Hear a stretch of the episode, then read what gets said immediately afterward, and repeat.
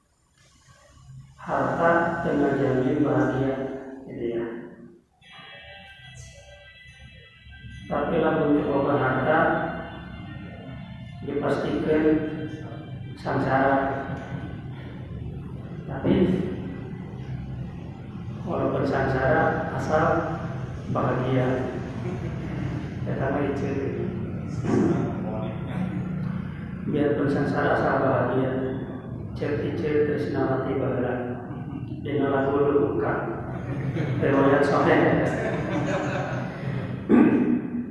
nah ternyata kekayaan itu mengalami titik jenuhnya jadi ketika seseorang mengejar kekayaan itu akan mengalami yang namanya titik jenuh. Nah ketika titik jenuh maka kekayaan itu menjadi tidak menarik.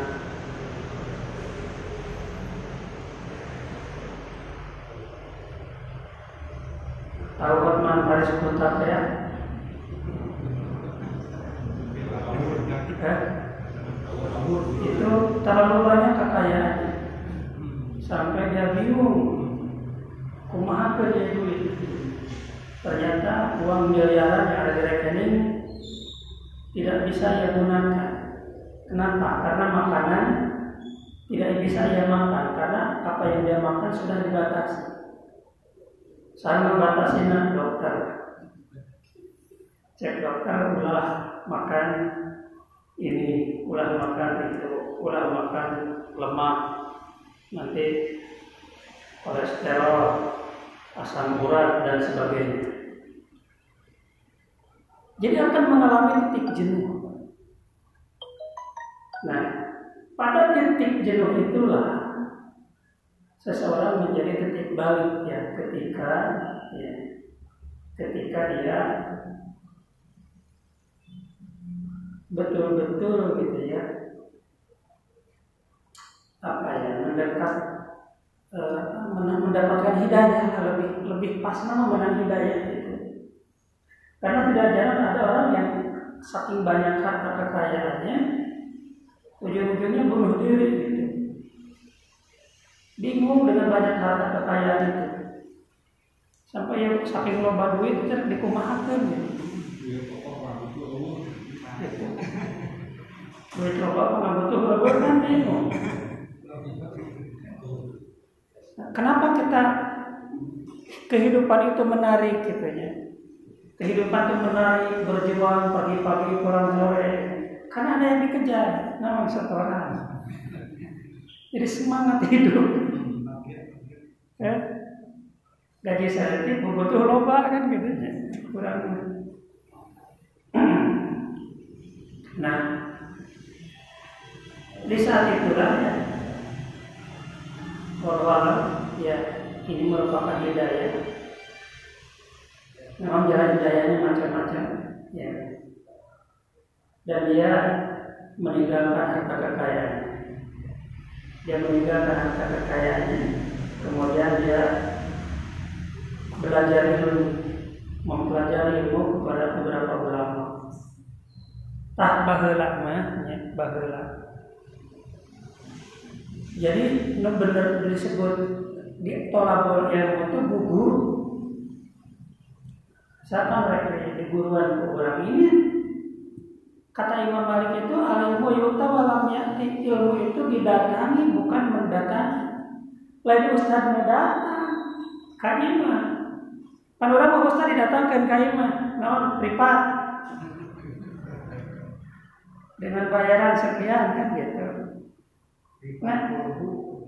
Eh privat kolbu. Nah dulu itu betul-betul mendatang. Datang ke ustaz ustaz yang bernyolokkan guru. Nah jadi tradisi bagaimana seperti itu dan kita pun dulu mah seperti itu. Ini itu ngaji gitu ya. Kak ngaburu ngaburu ngaburuan ngaburuan apa ya? Berguru. Berguru. Ya. Belajar ya, ke beberapa guru. Sampai akhirnya dia menjadi seorang ulama. Benar bukan ngaji berguru akhirnya jadi jadi ulama. Orang ngaji terus eh tapi kamu jadi mustami betul eh jadi memang ulama pembelajar sih. Eh, namanya pembelajar seumur hidup. Kudu jadi ulama kan gitu ya. Yang paling kita ulama kalau kalau kalau kalau waktu jadi nanti kan ulama sejuta umat. Ya kita minimal ulama satu umat lah nuri iman gitu nah dia bernama Ibrahim bin Adham lahir dari Khurasan Khurasan itu dari mana ya Hah? Ya, ya. Khurasan tepatnya Al-Balkhi ya. Makanya ada juga di, dikenal dengan Abu Ishaq Al-Balkhi. Ada juga salah seorang ulama yang populer juga itu sakit, sakit Al-Balkhi. Daerah situ juga. Dia belajar di Irak, ke Hijaz, ke Sam, mengembang dengan ilmu. Kayak Imam Bukhari itu ya, beberapa negara itu mana ilmu kabayanya. Bani bagaimana cara ayat pesawat. Ya. Ingat guru saya dulu itu ketika belajar itu diajar ke tasik, mondok di tasik gitu kan. Mondoknya lain sare gitu kan. Mondok di pondok ya. ya. Berapa tahun pindah pesantren lagi, berguru lagi kan gitu. Karena masing-masing pesantren itu punya keunggulan. Pesantren lima unjurna dina alat gitu ya. Sebangsa ningal alatnya kater Maju. Ilmu alat gitu. Nahu Nahu sorok ada yang pesantren lima Quran kayak di Cicalengka gitu ya. Ahmad Syahid almarhum itu di Al-Quran. Makanya dinamakan pesantren Al-Quran. Jadi memang spesialisnya beda-beda. Ada yang ilmu hadis ya. Kadir yang diajar hadis. Kadir yang diajar Quran. Kadir yang diajar alat kadir yang diajar bahasa Arab dan sebagainya gitu hari ini dia mah alhamdulillah kabeharna ayat ini apa yang tidak ada? Anu kurang ayatnya nah dia dikenal dengan ulama yang selain banyak ilmunya juga ulama yang zuhud ya, ulama yang warok. Zuhud itu tidak cinta terhadap dunia. Ya. Jadi hatinya itu tidak terikat dengan dunia. Jadi menghadapi dunia itu biasa-biasa saja.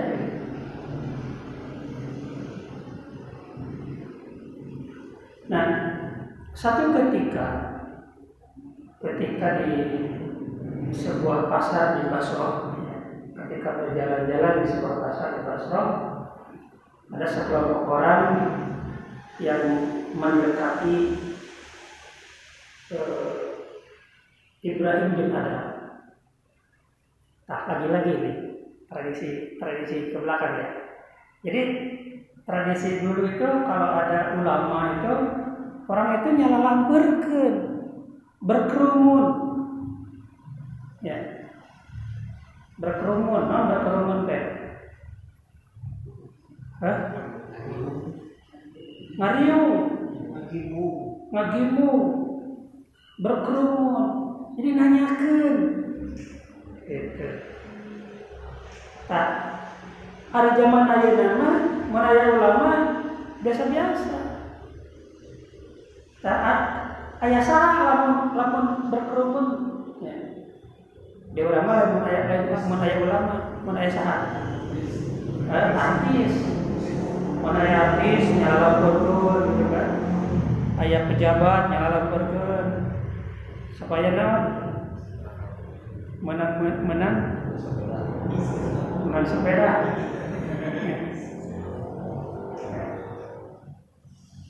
Jadi kalau dulu itu orang yang populer gitu ya, orang yang sangat dihormati, sangat disegani.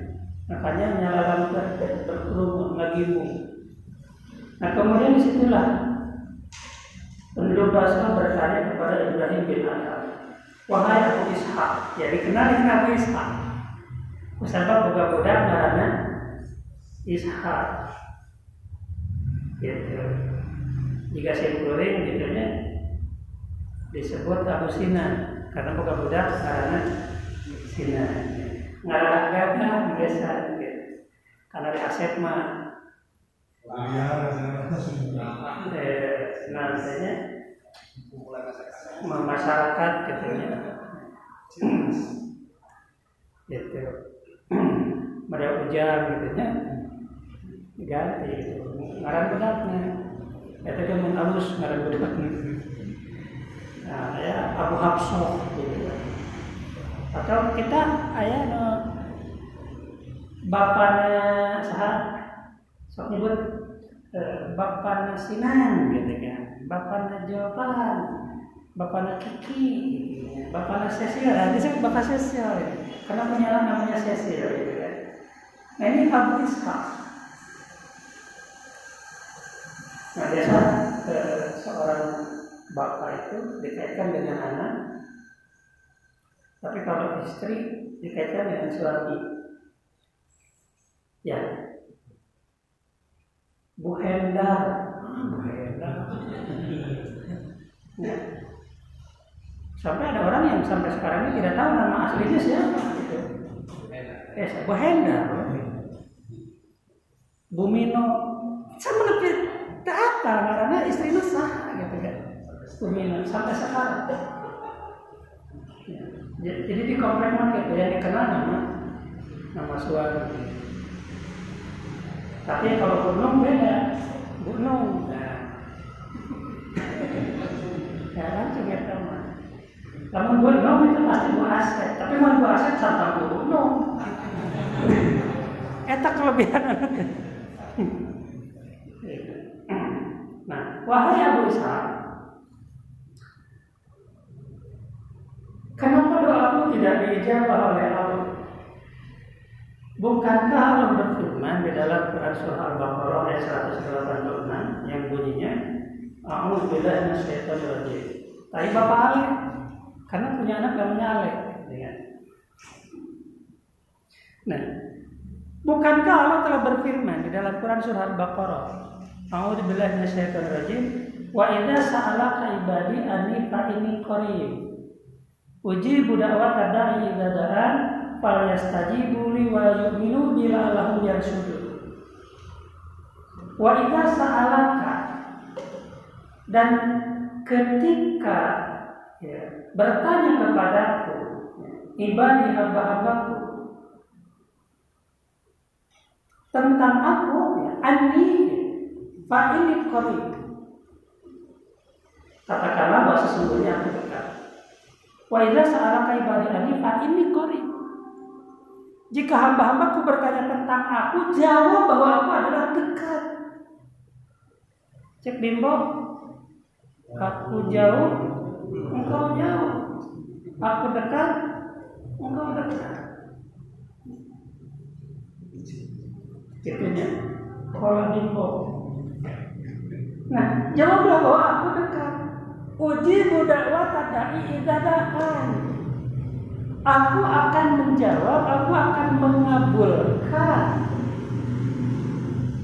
setiap doa orang yang berdoa. Aku akan mengijabah setiap orang yang memohon kepadaku. Gitu.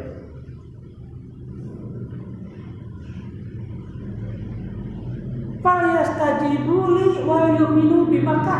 Mohonlah kepadaku dan berimanlah kepadaku. Memintalah kepadaku dan berimanlah kepadaku. Siapa? Minta ke Allah. Tong asa-asa, tong segan, tong era. Kenapa? Karena manakala kita meminta kepada Allah itu menunjukkan bahwa kita adalah seorang yang lemah. Dulu saya sempat terpikir ya, Pak saya minta Allah ke era. Kenapa? Karena terlalu banyak nikmat yang Allah berikan kepadaku. Ah, terminta Allah maha tahu apa yang kita inginkan kan gitu. Justru manakala kita memiliki sifat itu, itu menunjukkan sombongnya kita. Allah mah hayang dipenta. Fal yastajib, fal yastajibuli, mintalah kepadaku. Karena manakala kita meminta dan memohon meremi kepada Allah, menunjukkan kita adalah sebagai hamba yang lemah. Butuh Allah. Tapi wal yu'minubi dibarengan ku iman. Kenapa? Kalau tidak dibarengan ku iman, bahaya juga Kenapa? Ketika kita meminta kepada Allah, terburu-buru dikabul ke Allah. Pantas satik jalan punung ke Allah. Sudi aing maka masjid deui. Geus salat, berjamaah, tahajud, minta ke Allah tapi teu dikabulkeun ku Allah. Tobat aing mulai ibadahkeun gitu. Kenapa? Karena dia meminta tidak diparengan kok kok iman. Kabayang kan Nabi Zakaria, Nabi Zakaria sampai usia 80 tahun, can boga budak. 80 tahun. Itu bukan usia yang sebentar, 80 tahun itu buka budak Nabi Zakaria. Tapi nah pun kalau Nabi Zakaria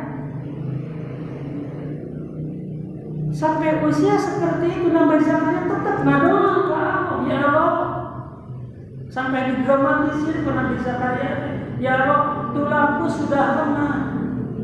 Ubanku sudah banyak. Tapi aku tidak akan berputus asa dalam berdoa.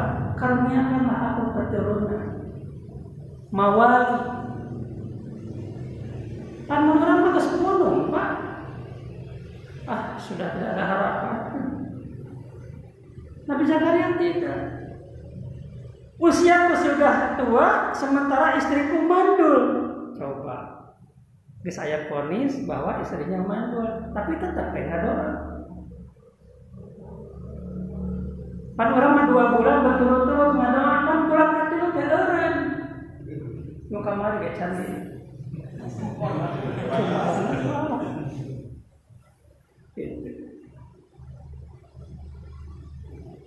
Tapi ayah teman saya berdoa doa nanti kia Rabbana hablana min azwajina wa dzurriyyatina qurrata a'yun. Nah, ya Allah, karuniakanlah aku istri dan karuniakan aku keturunan. Qadarullah Pak. Nikah istri yang anaknya mana. Paket. Tadi. Jadi mana pamajikan itu jauh banget. Sampai dia bilang ke saya, Teh gunanya saya kepada Allah jangan minta kalau kan dikabul teh hiji juga Ini langsung banget ke kaitan di tengah doanya. Jadi Rabbana hablana min azwajina wa dzurriyyatina jika nama gitu. Tarik teuing. Jadi dikabul langsung pada Allah. Nah, Nabi Zakaria tidak berputus asa. Nah pentingnya dirinya Pak, kurang doa ibaratnya tuh iman sehingga apa? Manakala sebelum terkabulkan, ya, menurut versi kita, kalau dibarengi dengan iman kita tidak akan putus asa. Dan kita yakin pasti Allah kabulkan. Bisa jadi dalam bentuk lain atau di ke Hadirin yang lima lima kumula boleh jadi kalau kita mentafakuri ada eh, doa nubaheula can kacumponan atau doa yang belum dikabulkan tapi dikabulkan ini setelah lima tahun kemudian. Di tapakuran diingat-ingat oh ya doa saya barulah lima tahun ke belakang Gitu. Nah, fayastajibu li waliyuni. Memintalah kepadaku dan berimanlah kepadaku. Wa'alahum ya sudun agar kalian mendapatkan petunjuk. Hadirin wa timah rahimakumullah. Nah,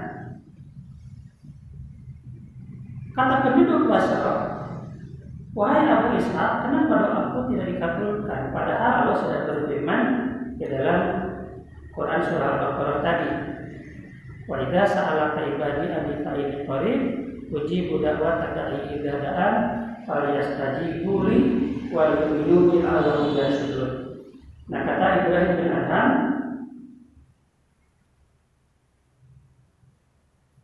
Doa-doa dikabulkan oleh Allah boleh jadi karena hati kalian telah mati oleh sepuluh hal. Jadi sebenarnya mereka dari kabul ke Allah, tapi hati kalian telah mati. Berdoa, tapi dengan hati yang sudah mati. Apa yang menyebabkan sepuluh hal yang menyebabkan hati kalian mati? Yang pertama Ibrahim bin Adham Kalian mengenal Allah Namun kalian tidak memberikan hak-haknya. Kita kenal dengan Allah. Allah yang telah menciptakan kita. Allah yang telah memberikan rezeki kepada kita. Allah lah yang telah memelihara diri kita. Tapi kita tidak menunaikan hak-hak Allah. Hak Allah apa? Hak Allah disembah Diibadahi Dipuji kita menerima hak kita, mendapatkan rezeki dari Allah. Tapi malah itu kita menghamba kepada harta, menghamba kepada dunia, menghamba kepada rupiah, sampai harta dunia rupiah mengalahkan Allah Bukankah kita setiap sholat mengucapkan Allah Akbar, Allah Maha Besar. Dan setiap hari sehari semalam kita diingatkan dengan azan Allahu Akbar, Allahu Akbar.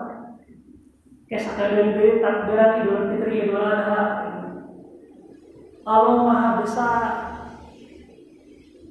Kita membesarkan Allah dengan lidah kita, dengan lisan kita, tapi hati kita membesarkan dunia kita.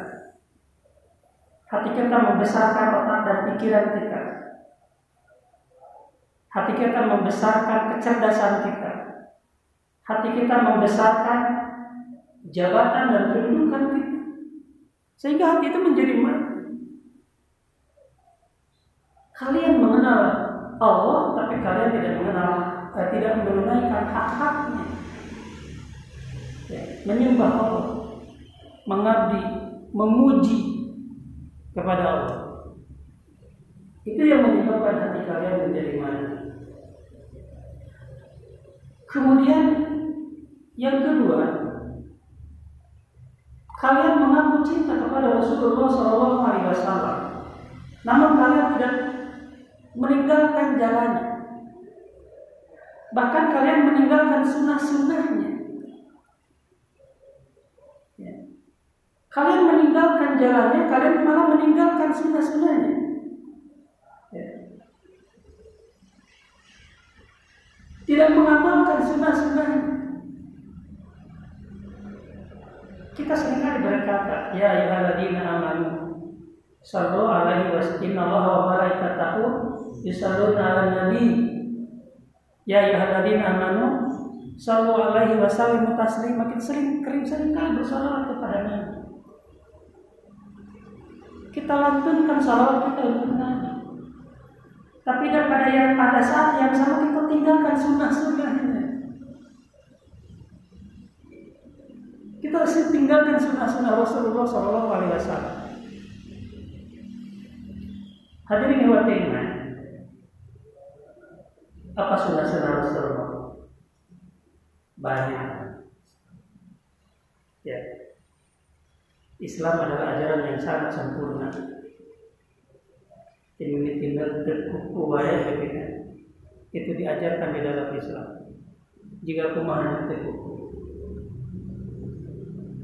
Saya sempat bertanya ke sana ya, ada ibu-ibu mengajar ibu-ibu. Cikum anak terpupuk ah mana ibu kan begitu. Bola mana we itu kan ada sunnah tidur ada sunnah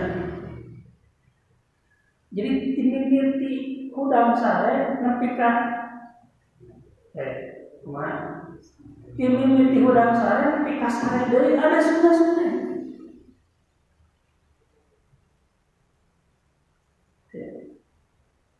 Banyak sunnah-sunnah Rasulullah yang boleh jadi kita belum lakukan. Satu ketika Abu Bakar Asyadi Quran bertanya kepada Aisyah sepeninggalnya Rasulullah SAW, wahai Aisyah, adakah sunnah-sunnah Rasulullah yang belum aku lakukan? Nabi itu Abu Bakar. Adakah sunnah-sunnah Rasulullah yang belum aku lakukan? Sampai Aisyah yang bingung. Apa? Tidak ada sunnah Rasulullah yang tidak dilakukan oleh Abu Bakar As-Siddiq.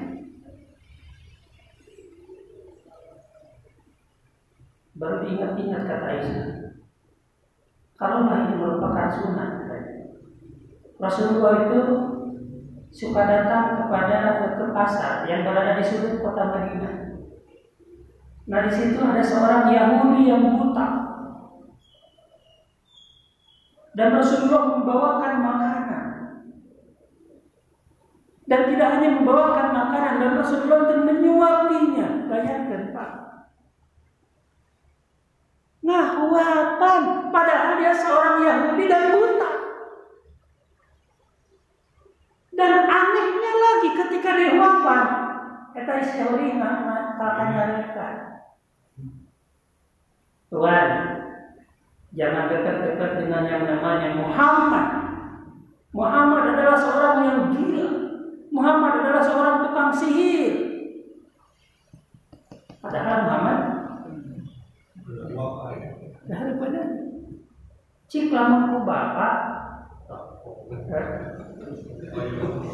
bapak ngahuapan ini itu nanti huapan teh kalahkan nyarekan rek dihuapan mah Alex cina Ustaz ngarekan rek dicampur dengan jeung racun pakai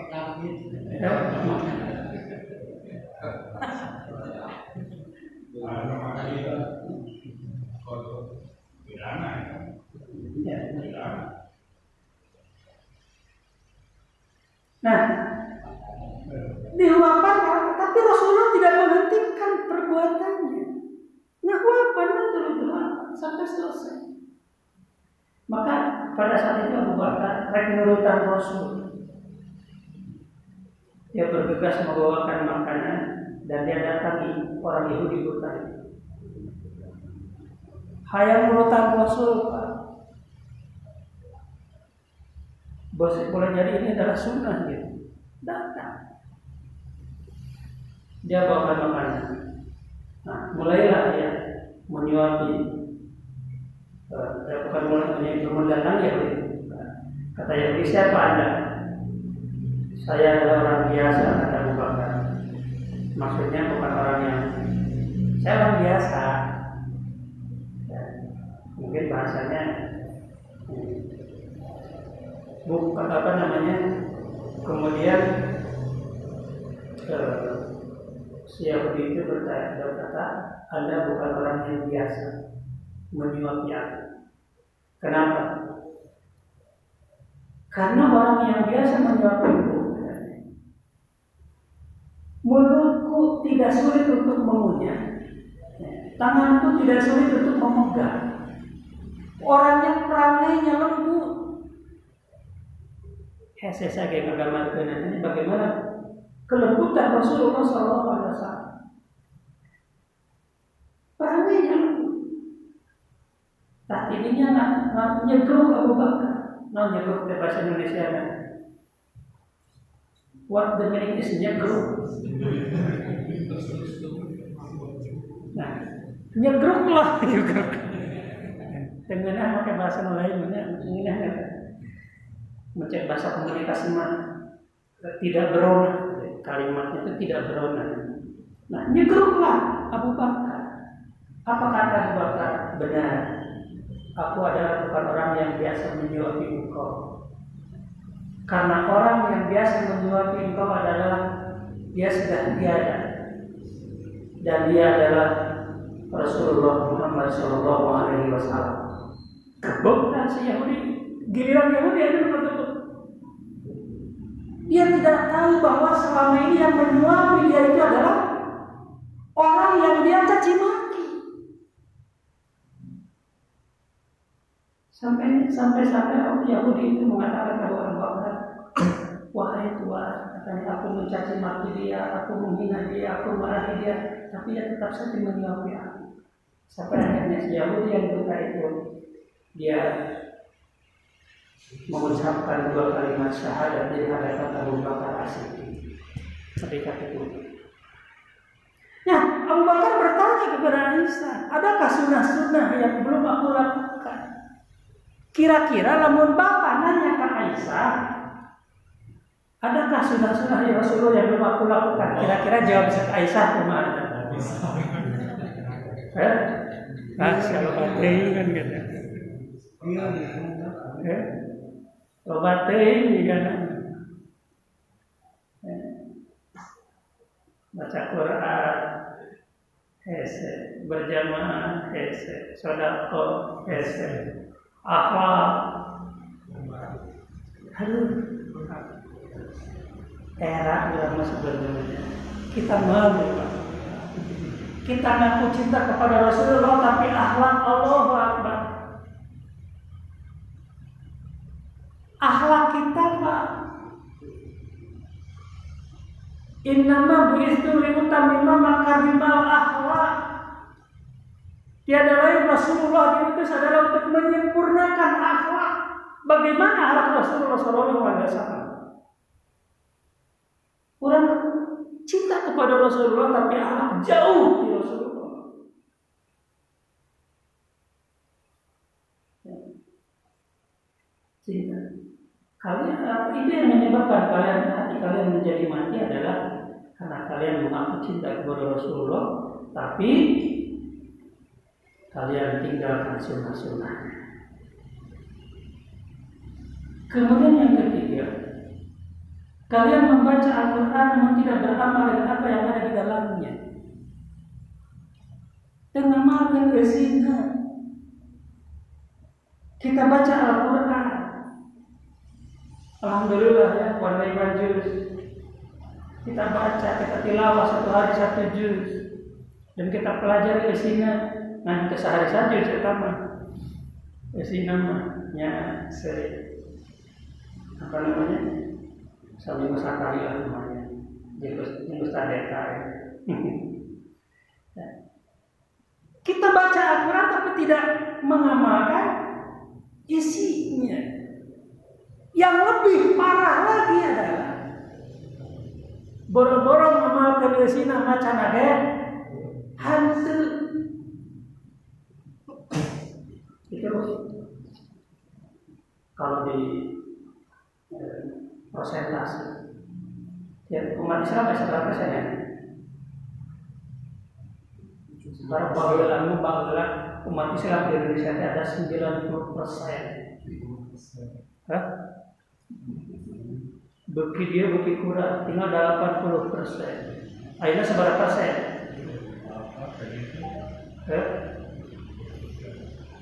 Nah, katakanlah 70 persen. Dari 70 persen umat Islam yang ada di Indonesia ini, berapa persen yang membaca Al-Quran? Rutin membaca Al-Quran, seberapa persen?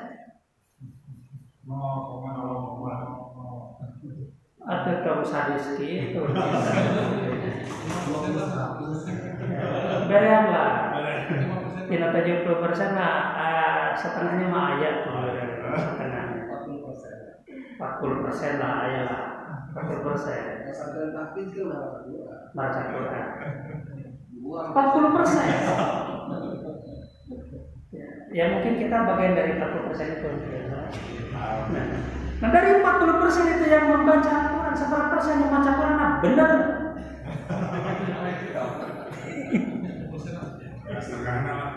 Ya, setengah nanya, setengah lah, ya setengah nama. Seberapa? 20 persen. Dari 20 persen itu, dari 20 persen yang membaca Al-Quran dan bacaan Quran dengan seberapa persen yang tahu terjemahannya? 2 persen Ya, 5 persen lah. 5%. Dari 5 persen yang tahu terjemahannya, berapa persen yang tahu maksudnya, tahu tafsirnya? Ya, 2 persen. Nah, dari 2 persen itu, 1 persennya berapa persen yang mengamalkan isinya?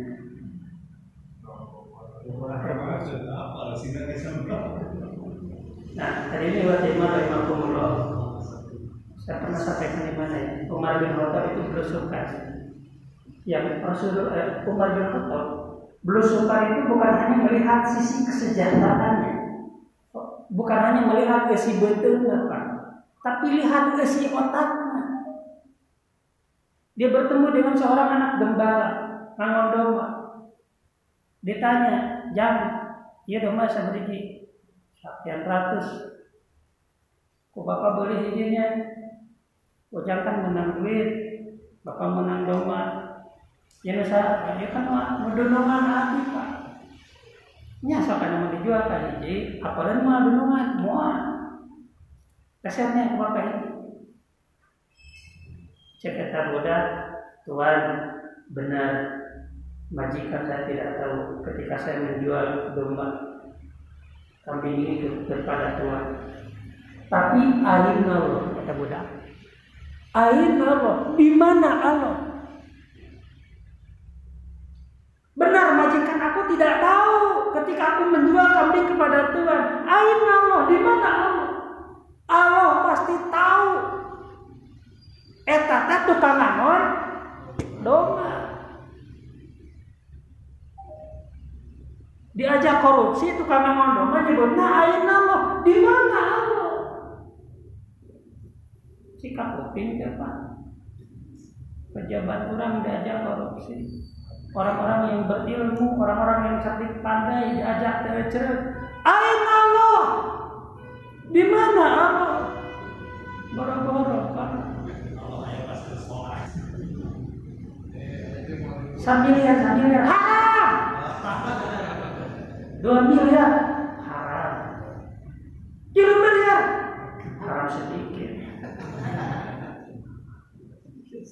Setriliun, setriliun kita bangun pesantren.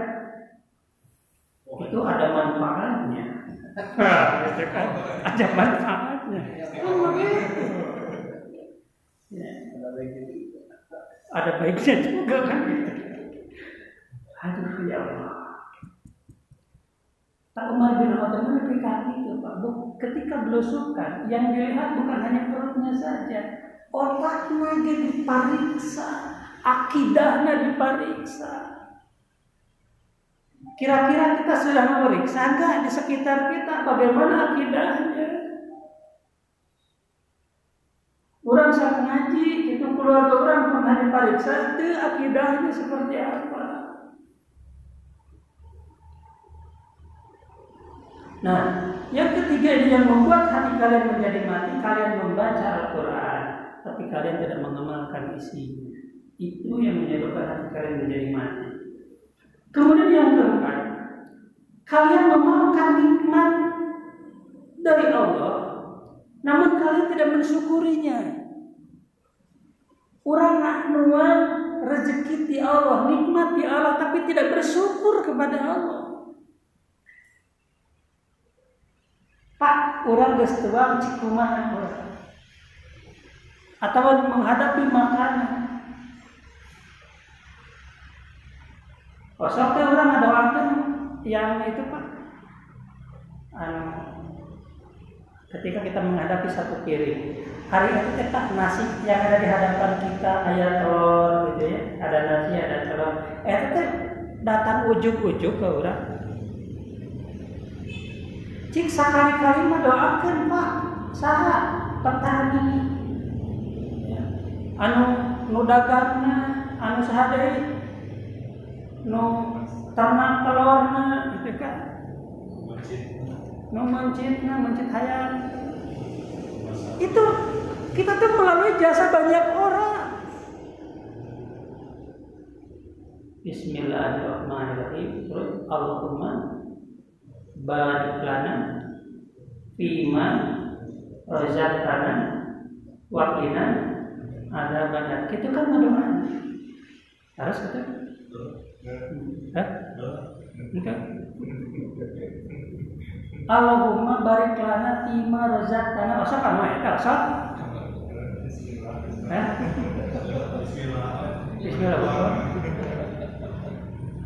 Allahumma barik lana Ya Allah berikanlah keberkahan kepada kami. Firma razak tanah terhadap apa yang rezeki yang diberikan kepada kami. Kita hari itu. Orang mengadoa dalam moneta dan abi. Memakan tanya abi kakarek ngadoa. Udah gratis. Marah di orang deui panggung nama. Minta berkah, Pak. Kenapa kita harus minta berkah kepada Allah? Ada berkah ya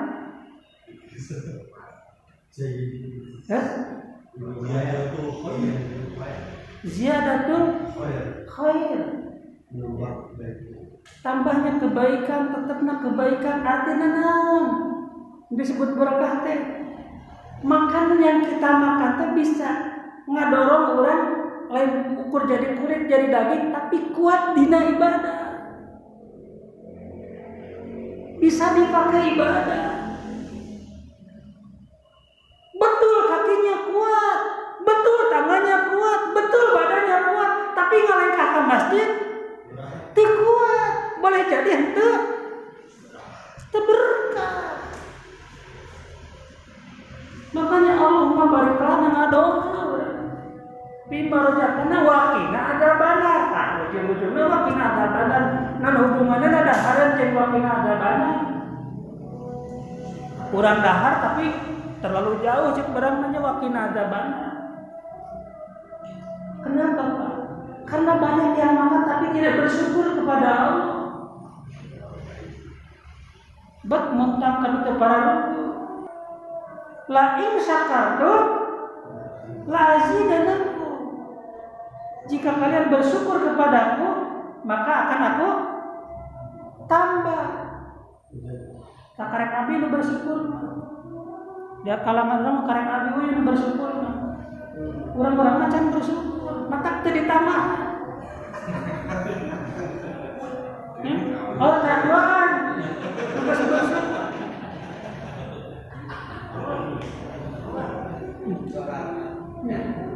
Pola in kapar itu bina ada dan jika kalian kubur ingat adabku yang sedih. Kan begitu. Diancam ketika kita kufur maka azab makanya Allah mabarikana bima razaqana wa qina ada karena banyak orang yang makan tapi tidak bersyukur kepada Allah. Hadirin wa Allah yang menyebabkan hati kalian menjadi mati adalah karena kalian memakan nikmat dari Allah tapi kalian tidak mensyukuri. Nah, karena bertumpuk dan bertumpuk ya hati kita menjadi mati sehingga doa itu memakai hati. Apa yang diisyaratkan oleh Nabi bahwa di akhir zaman itu masjid-masjid itu penuh tapi hati-hati mereka, hati-hati pengunjungnya, hati-hati jamaahnya kosong dari hidayah. Artinya apa? Hatinya mati. Pengajian meramai, jamaah banyak, tapi hatinya kosong dari hidayah. Hatinya mati, sehingga wajar terpantas doanya tidak dijabah. Kesabaran ngadoanya pakai hati. Contoh letiknya sholat Apakah pakai HP sholat benar?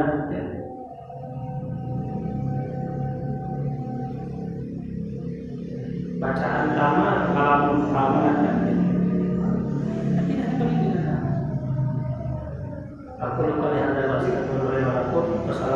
warahmatullahi wabarakatuh.